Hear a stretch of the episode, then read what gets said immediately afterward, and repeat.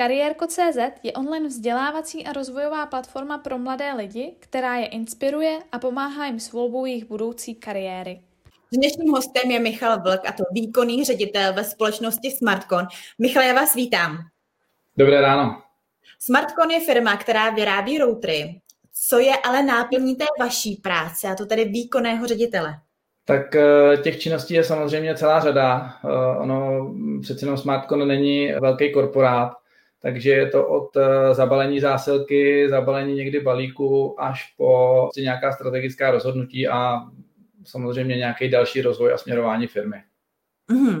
Chtěl jste vždycky pracovat v tomto prostředí? Vlastně vždycky, vždycky jsem chtěl pracovat na nějaké, řekněme, manažerské pozici a mít možnost eh, ty věci ovlivnit podle toho, jak to vnímám, jak to cítím a nějakým způsobem se podílet na rozvoji té dané firmy, takže jsem rád, že v tuhle chvíli tu příležitost mám. Mm. Jak vypadá tedy práce výkonného ředitele? Ta práce je velmi různorodá. Je to od eh, denodenních prostě schůzek, eh, různých jednání, meetingů, ať už eh, s podřízenými nebo s jinými třeba majiteli firem. Je to vlastně o denodenním rozhodování. Ty rozhodování by měly být samozřejmě rychlý, protože pak se to nějakým způsobem vleče, ale slovo rychlý neznamená unáhlený, takže člověk už musí mít dopředu rozmyšlený nějaký varianty, kam se směřovat, kam s tou firmou jít a podle toho se potom zařídit té příležitosti jste se ale musel dopracovat. A pojďme se podívat na váš úplný začátek. Eh, co vám pomohlo, nebo kdo vám pomohl při výběru střední školy a jaká střední škola to byla? Tak ta střední škola byla gymnázium doktora Josefa Pekaře tady v Mladé Boleslavi s tím, že vlastně to další směřování bylo potom na Technickou univerzitu v Liberci, kde jsem eh, nějakým způsobem eh, přežil první rok studia, kde byly nějaké počáteční problémy eh, se zkouškou z matematiky a pak už to tak nějak, dá se říct, šlo samo ruku v ruce studium a sport, tak jak mělo. Jsem moc ráda, že jste zmínil ten sport, protože já o vás vím, že Technická univerzita ale nebyla na první dobrou, jasná volba. Chtěl jste se přihlásit na Technickou univerzitu nebo někam jinam a jak to tedy vlastně bylo? Ono to bylo tak, že eh, vlastně při studiu gymnázia na střední škole jsme s kamarády tady vlastně v Mladé Boleslavi v roce 98 zakládali Mladoboleslavský florbalový tým s tím, že vlastně moje další směřování po gymnáziu mělo být a chtěl jsem jít na eh, fakultu tělesné výchovy a sportu v Praze. Tam jsem se nakonec eh, nedostal a abych se vyhnul, eh, to říkám zcela otevřeně, základní vojenské službě tehdy, protože jsem byl odvedený, tak jsem eh, šel na přijímací zkoušky na Technickou univerzitu a pak už jsem studoval v Liberci teď divákům, eh, ty jsou v pohodě, posluchačům možná bude trošku líto, že vás nevidí. Vy prostě na první pohled vypadáte jako sporták. Eh, byl, co bylo příčinou neúspěšného přijetí na FTVS? Vlastně já jsem se hlásil na jednooborové studium, čili pouze tělesná výchova a sport. Já jsem ty zkoušky udělal, nicméně jsem na střední škole lehce podcenil maturitní vysvědčení, nevěnoval jsem se tomu, jak jsem měl a pak tam samozřejmě chyběla nějaká bonifikace eh, v té době za nějaký extraligový nebo prvoligový sport, což já jsem vlastně nevěděl, takže nezjistil jsem si všechny informace a v podstatě jako moje chyba a první poučení takový do života, že je potřeba mít vždycky kompletní informace. Takže nevědomost neomlouvám. Existuje od, z vašeho srdce, z vašich zkušeností tedy nějaká rada pro naše posluchače, diváky, studenty, eh, kteří by neměli takhle pochybit něco, co vy jste si už vyzkoušel, nějaká rada pro ně? Spíš asi mě z toho vyplývá a vlastně se mi to je, už osvědčilo, že pokud eh, chci se někam hlásit nebo chci udělat nějaký životní rozhodnutí nebo strategický rozhodnutí, ať už ve firmě nebo v životě, tak je potřeba k tomu mít podle mého názoru dostatek informací a věnovat té přípravě poměrně dost času.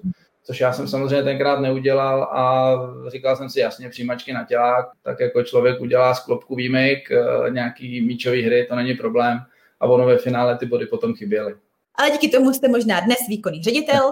Nicméně pokud se podíváme na Fakultu tělesné výchovy a sportu a Technickou univerzitu v Liberci, úplně dva odlišné světy. Proč třeba mm-hmm. právě tu Technickou univerzitu?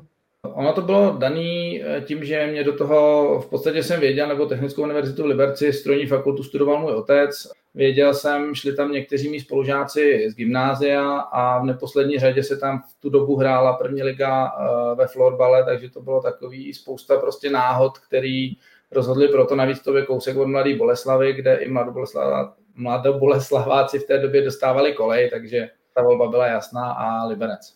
Je dobré třeba poslechnout tatínka nebo vyslechnout jeho rady a jít tím směrem, který on trošičku tak předurčuje?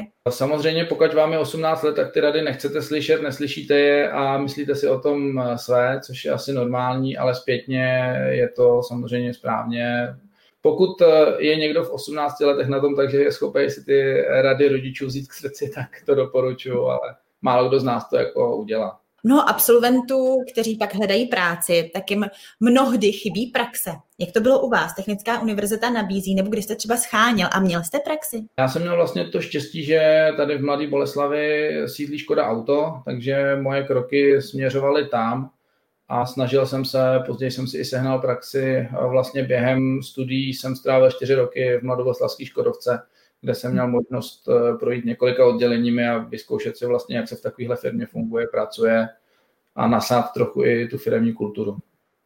Jak je těžké dostat se na praxi do Mladoboleslavské automobilky? Aktuální situaci neznám, vím, že mají spuštěný nějaký training program, nevím, jestli už je spuštěn pouze pro absolventy, ale v tu dobu vlastně, kdy jsem to řešil já, tak praktikanty nabírali s tím, že eh, vlastně spousta z těch lidí, pokud se osvědčili, tak potom mohla eh, vlastně dostat nebo ucházet se o eh, nabídku zaměstnání, která v tu dobu tam byla. Nabídka zaměstnání. Pomohla vám praxe ve Škoda Auto AS? Ta praxe byla v podstatě k nezaplacení, protože člověk i během studií trochu zjistí, jak to funguje v pracovním životě. Ono přece jenom jako ta vysoká škola je hodně teoretická věc, naučí vás to nějakým způsobem přemýšlet, ale v podstatě na tu praxi, pokud během studií na vysoké škole nějakou praxi nemáte, tak vlastně vyjdete z té školy a dá se říct, že toho vlastně moc neumíte, takže mě ta praxe pomohla obrovským způsobem. Kdybych já nebo naši posluchači, diváci chtěli být studenty Technické univerzity, respektive by chtěli potom dostat práci v tomto oboru, jak byste hledal tu první práci? Jak je to těžké na dnešním trhu najít práci? Já jsem tu práci scháněl tak, že vlastně logicky po absolvování vysoké školy jsem eh, se snažil najít práci v oboru, což eh, vlastně já jsem studoval v Liberci fakultu mechatroniky a mezioborových inženýrských studií, což je v podstatě informatika v kombinaci s automatickým řízením. A logicky jsem nastoupil do firmy eh, ST Microelectronics, která stále funguje.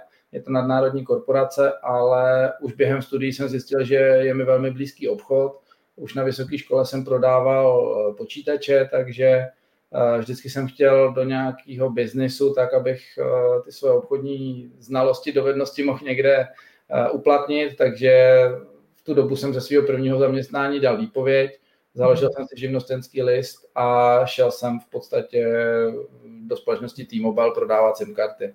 Takže zase to bylo nějaký fatální důležitý rozhodnutí, kdy vás nebaví stávající práce, trochu vyjdete z té své komfortní zóny a vlastně trochu zariskujete ten svůj pravidelný příjem a jdete do neznáma. Pojďme si ale říci, že živnostenský list je větší riziko, než být někde zaměstnanec. Hmm. Co člověk musí mít, jaké dovednosti, hmm. jaké skills, abych se uživila jako OSVČ nebo na té své vlastní noze a nebýt zaměstnavec s těmi benefity, s, s tou jistotou. Hmm.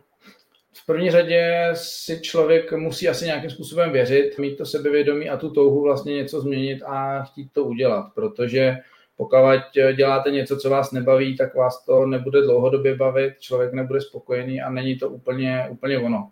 Podle mě člověk, pokud se chce někam dostat, chce být dobrý, tak eh, musí dělat to, to co ho baví. A na, trochu se v tom eh, najít. Ono někdy to trvá díl, někdy to rozhodnutí prostě přijde dřív. No. Mhm. Vy jste tedy zakotvil v obchodu.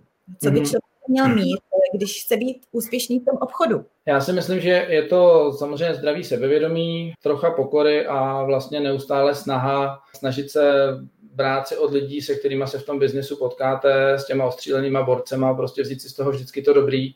A to, čeho já se vždycky cením, tak je i spolehlivost spousty lidí a mhm. samozřejmě k tomu patří štěstí.